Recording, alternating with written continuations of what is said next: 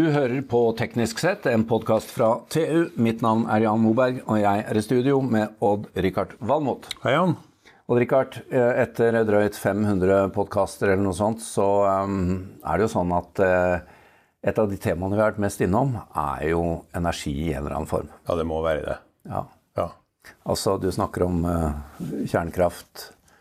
Fisjon, fusjon, you Ja. name it. Ja. Og, og ikke minst også Deilig. elektrifisering Ja. og alt dette. Og, og klima kommer jo inn. Det som vi skal uh, gjøre i dag Vi har jo en uh, veldig spennende gjest. Og uh, vi skal få høre litt hvordan dette ser ut utenfra. Ikke bare, Ikke bare vår navle. ikke bare den norske navlen. Og da har vi rett og slett fått med oss en god kollega. Nemlig korrespondent Alf Ole Ask, eh, som jobber for nettavisen til Norsk Klimastiftelse i Brussel. Velkommen, Fole. Takk skal du ha. Takk skal du ha.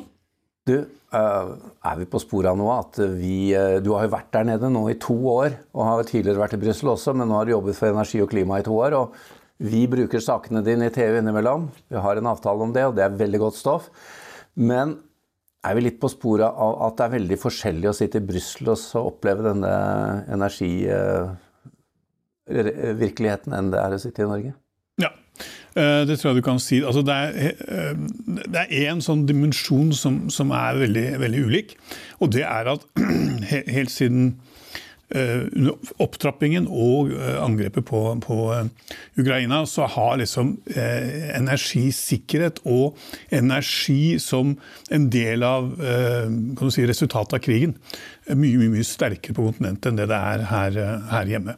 Sånn at eh, denne bevisstheten rundt energis betydning i et mer sånn sikkerhetspolitisk perspektiv er jo mye mer framtredende eh, i Belgia, hvor jeg bor, eller i Frankrike, hvor jeg ferierer, eller eh, osv. Det, det, det, det er ikke noe tvil om. Så det har ikke vært Krigen har ikke sen, altså senket tempo, det har faktisk økt tempo. Absolutt. Altså, jeg tror det er en slags øh, common sense at øh, du ville aldri i verden hatt øh, en, en situasjon som du nå har, har egentlig banka gjennom nesten alle disse Fit for 55-direktivene som ble lagt fram i juli og desember 2021.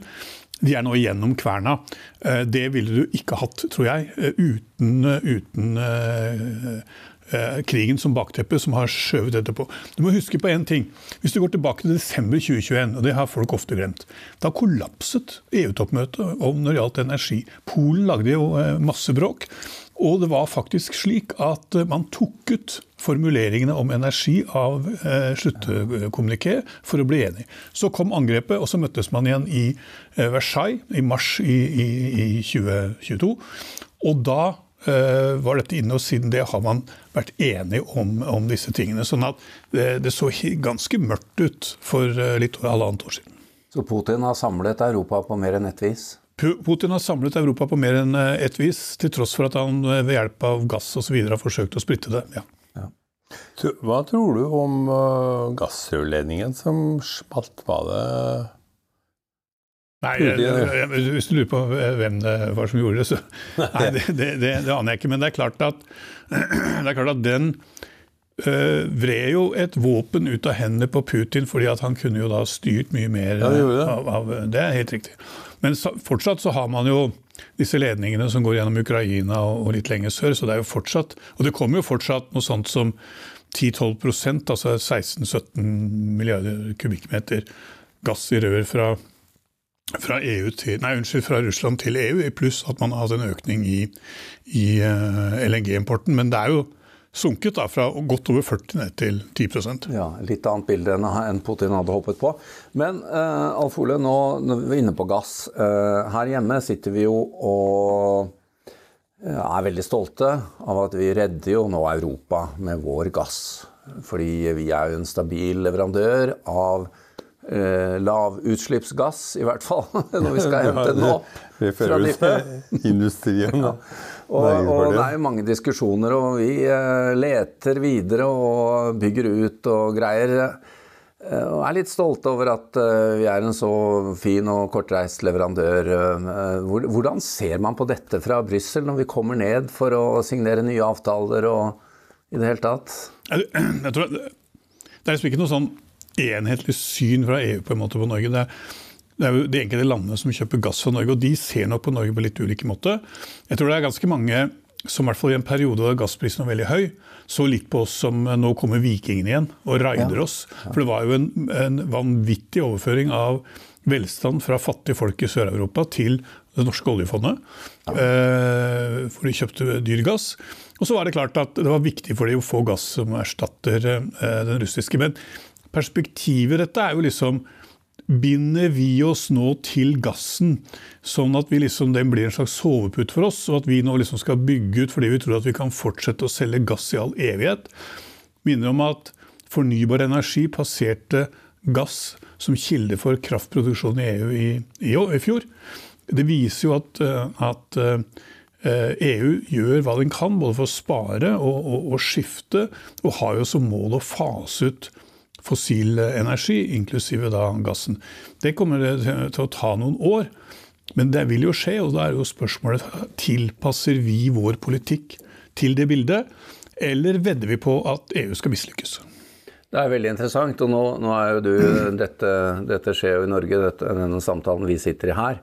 Men uh, du bor jo der nede og har vært der før. og Hvordan, hvordan oppleves da dette skiftet mot grønnere energikilder når, når du bor i Brussel, versus hva vi ser her hjemme. Altså, vi har jo konflikter med urfolk, og vi har uh, motstand mot vindkraft uavhengig av det. Og det er liksom uh, 'not in my backyard' og i det hele tatt uh, det, er, det er mye av det samme, men det er klart du kan si mye rart om belgere, men urfolk er de ikke. Eh, og, og, du har jo ikke noen ur, veldig liten urfolk liksom, eh, og den dimensjonen. Og den dimensjonen er viktig, fordi at det ja, gjelder å beslag, beslaglegge natur.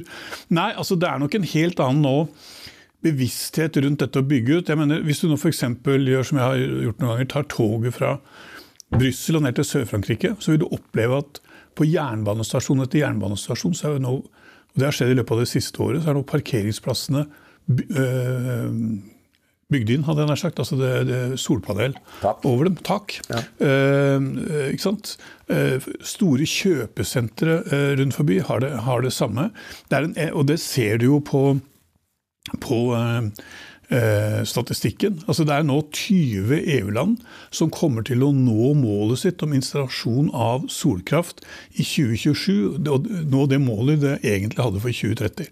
Så dette sier noe om det tempoet og det drivet som er dette. Og dette er jo selvfølgelig fordi folk og bedrifter vil på denne måten sikre seg mot uh, svingende og høye energipriser. For energikrisen er ikke over i Europa ennå. Nei da, og her hjemme har vi jo vannkraften som kan uh, regulere uh, de sol- og vindkraft. Hvordan er dette på kontinentet? Er det gassen da som Ja, det er jo gassen. Også I en del land så er det selvfølgelig atomkraften. Eh, altså ja. Belgia har nå f.eks. For forlenget um, sine nyeste reaktorer. Uh, du ser franskmennene uh, skal jo forlenge og for så vidt bygge ut. Men det er jo slik at uh, atomkraften nede på kontinentet er ikke noe simsalabim. det er jo en enorm investering i milliarder av euro bare for å holde den produksjonen du har i dag på samme nivå fram til 2030. fordi at nå må huske på at Mye av den atomkraften, særlig i, i Frankrike, ble jo installert som en følge av, uh, av krisen, oljekrisen. Oljekrise. På, ja, på ja, samme som Sverige. Og så for så vidt i Sverige. Det har du helt rett i. Uh, og litt for Finland også. Og den, disse kraftverkene er jo nå begynt å bli så gamle at de er liksom nærmer seg pensjonsalderen. Så det å forlenge levetiden deres koster masse penger. Eh, sånn at det er eh, eh, Man kan jo si det veldig enkelt, det er ikke noe quick fix. Nei, men altså Frankrike er jo en atomkraftnasjon. Ja. Vi har nesten like mye atomkraft som vi har vannkraft. Ja, riktig. Og det, jeg har jo hørt at de ønsker nå å bruke det at Russland er så å si ute av spill, til å ta markedsandeler. For Russland var store på kjernekraft, og de var flinke. Ja da. Og Det er de sikkert enda, men de uh, har jo mista Nei, og det, og det, er mye, uh, det, er jo flere av disse landene, det er jo ganske mange land i EU som fortsatt har russiske reaktorer, og som har inntil nylig har vært avhengig av russisk ja. uh, fuel. Jeg, jeg, er ikke noen ekspert på atomkraft, men jeg har forstått etter å ha snakka med folk at, at, de som leverer reaktorene, vil ofte ha den reaktoren være på en måte skreddersydd for den fuelen som de har. slik at ja, ja. det er reaktorer i Øst-Europa særlig, eh, som da har brukt russisk, som da må finne erstatninger. Og det er ikke gjort eh, Avhengighetsskapende. Ja. Mm. Du, jeg må spørre også om uh, Dette er jo mye om energidelen, men, uh, og det henger jo tett sammen. Men hva med klimadelen av uh... Jo, det er det samme. Den, altså, dette henger sammen, og klimabiten er jo for eksempel, ja, Det handler jo om fornybar energi, men det handler jo også om f.eks. å kutte utslipp ved å modernisere bygninger. Dermed får du ned energibruken.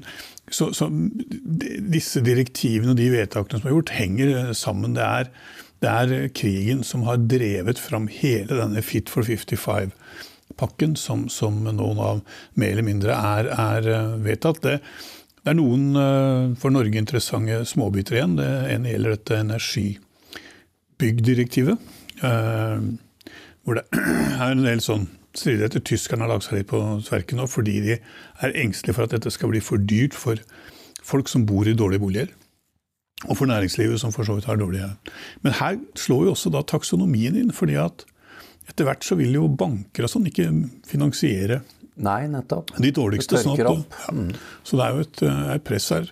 Og så er det vært selvfølgelig Det ville ikke vært Eh, Europa uten. Det er jo en uh, stor diskusjon da, når det gjelder gamle bygg. og Da snakker vi om ja, uh, kirkebygg fra middelalderen og sånn. Mm. Du kan liksom ikke begynne å, å, å installere varmepumper overalt i disse, i disse, byggene. Vi er ikke så ofte i de byggene der, Odd Rikard, så vi, det gjør ikke noe det er kaldt der. Men... Det er ikke, kanskje du skulle ta det en tur? Ja. Du kan vel kanskje installere varmepumper, men, men, du kan ikke isolere dem på samme Nei, måte? Det kan du ikke. Kan ikke liksom kline 20 cm Rockwell utapå ei gammel kirke? Nei, eller inni. Men uh, av, uh, jeg er jo litt opptatt av disse norske mytene. Eller det trenger ikke være myter, det kan jo være ordentlige uh, fremskritt òg. Vi slår oss på brystet for å nærmest ha skapt verdens elbilrevolusjon her hjemme i dette lille landet. Er det en myte? Hva skjer på kontinentet? Altså, det har jo blitt satt i gang et skifte, men det er jo en helt annen skala sånn andelsmessig her hjemme fortsatt enn der nede. Oh, ja. Men, men, det, men, det, kommer etter. Eh, og du ser eh, altså Utrullingen av ladestasjoner går jo nå eh, raskere og raskere. og det, EU vedtar jo nå regler for dette, så det skal være x antall kilometer mellom hver ladestasjon på motorveier og den type ting. Men, men det er klart at dette går saktere. og men det fins jo også, ser jeg nå, i enkelte land, særlig land som har bilproduksjon, Tyskland, Frankrike og sånn, så har de jo støtteordninger for å, for å switche til, til ja. elbil. Men, men de er, ligger nok litt tilbake for eh, de norske, og i tillegg til det så, så går det ikke så raskt um, som det du har. Og det, du har jo også sett at bilindustrien i Tyskland uh, fikk den tyske regjeringen til å lage litt trøbbel på slutten av dette lovvedtaket om at det ikke skal selges utslippsbiler etter 2035. Stemmer. Og den, sant? Uh, så det er det ligger litt sånn omkamp der. Jeg ser at Business Europe i sine siste rapporter og sånn er veldig opptatt av at, at dette vedtaket går for langt og den type ting. Så, så det er klart det, Her kan du risikere å få en, et sånn Kanskje en liten omkamp down the road. Ja, det, det, høres rart ut for meg at det er tolv år til det skal fases ut. Det det er jo ikke lenge i, i Norge. Det er stort sett Det er jo snart bare salg av elbiler i Norge. Ja, men altså, da betyr det at da får du ikke kjøpt en ny bensin- eller dieselbil. Nei. Men du kommer jo til å ha bensin- og dieselbil i EU i ja. mange år etter det. Ja, ja, ja. Klart det. Eh, vi må snakke litt om uh, kontinentene. Uh, Europa versus USA. Nå har denne Inflation Reduction Act kommet. og Amerikanerne leverer jo ganske mye energi til Europa også. Her hjemme så er vi litt eh, Vi, vi hører om det, men eh, vi ja, jeg vet ikke, Richard, Vi distrer vel kanskje litt, at eh, de kommer sent og Nei, men amerikanerne har vært veldig proaktive, og de har kjørt det i marka veldig fort. Og det har vel tatt både Norge og EU på senga, tror jeg. Ja, Hvordan ser det ut fra Brussel?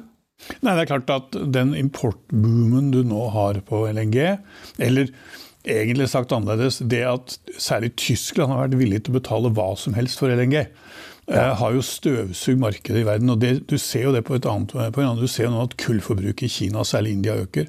Så de totale utslippene går opp. Og det er også klart at en del av den LNG-en du henter nå, er jo ikke akkurat uh, klimavennlig. da.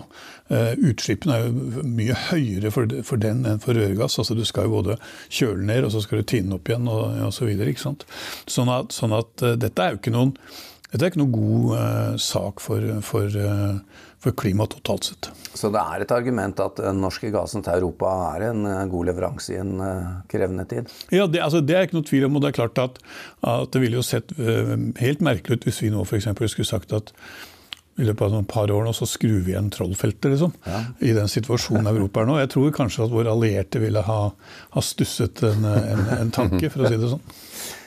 Du, vi... Vi må avslutte om ikke så lenge, men eh, hva er, hva er, hva er rådene da, til uh, norske leverandører, norsk leverandørindustri, norsk næringsliv, norske politikere? Hvordan skal de forholde seg til Brussel over de neste månedene og årene? Nei, så jeg tror For det første så tror jeg har vi sagt i mange mange år og i ulike stortingsmeldinger at vi må komme tidligere inn i prosessene.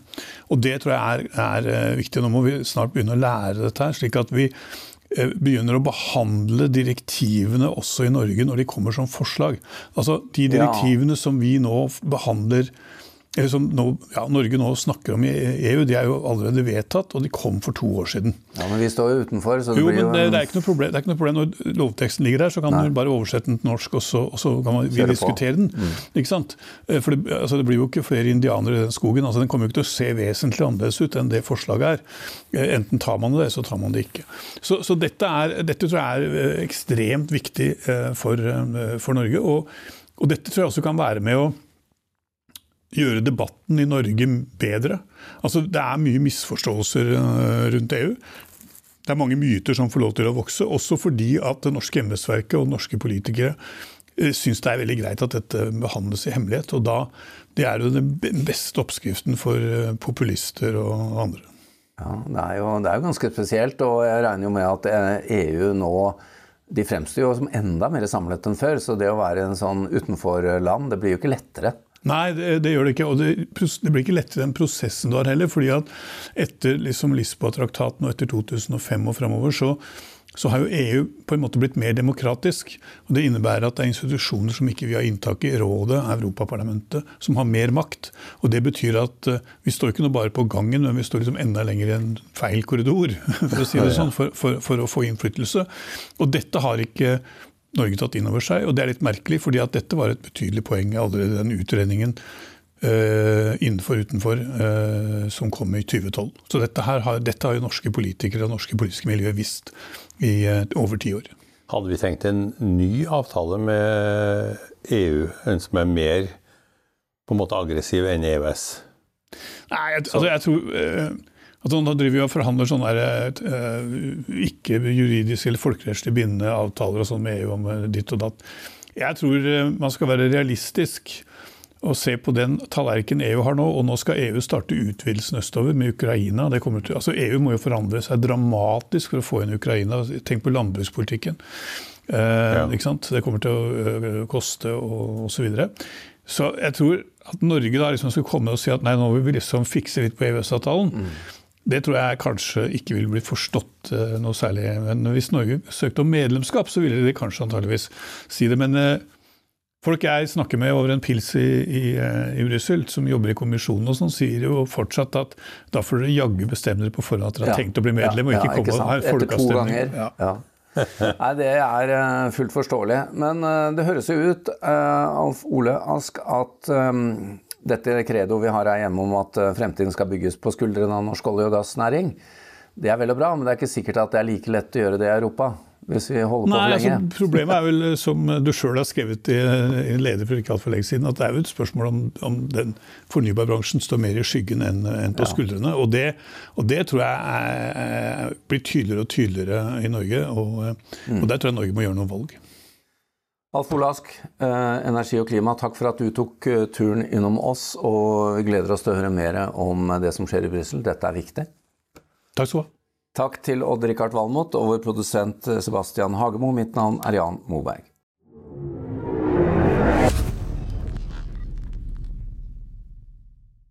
Hallo? Jeg kommer fra Oslo politikammer. Ine Jansen er purk. Er du purk? The motherfucking bitch. Alt jeg vil er å finne ut hva som skjedde med mannen min. Jon Carew. Er jeg sikta for noe? Iben Akeli. Det er du.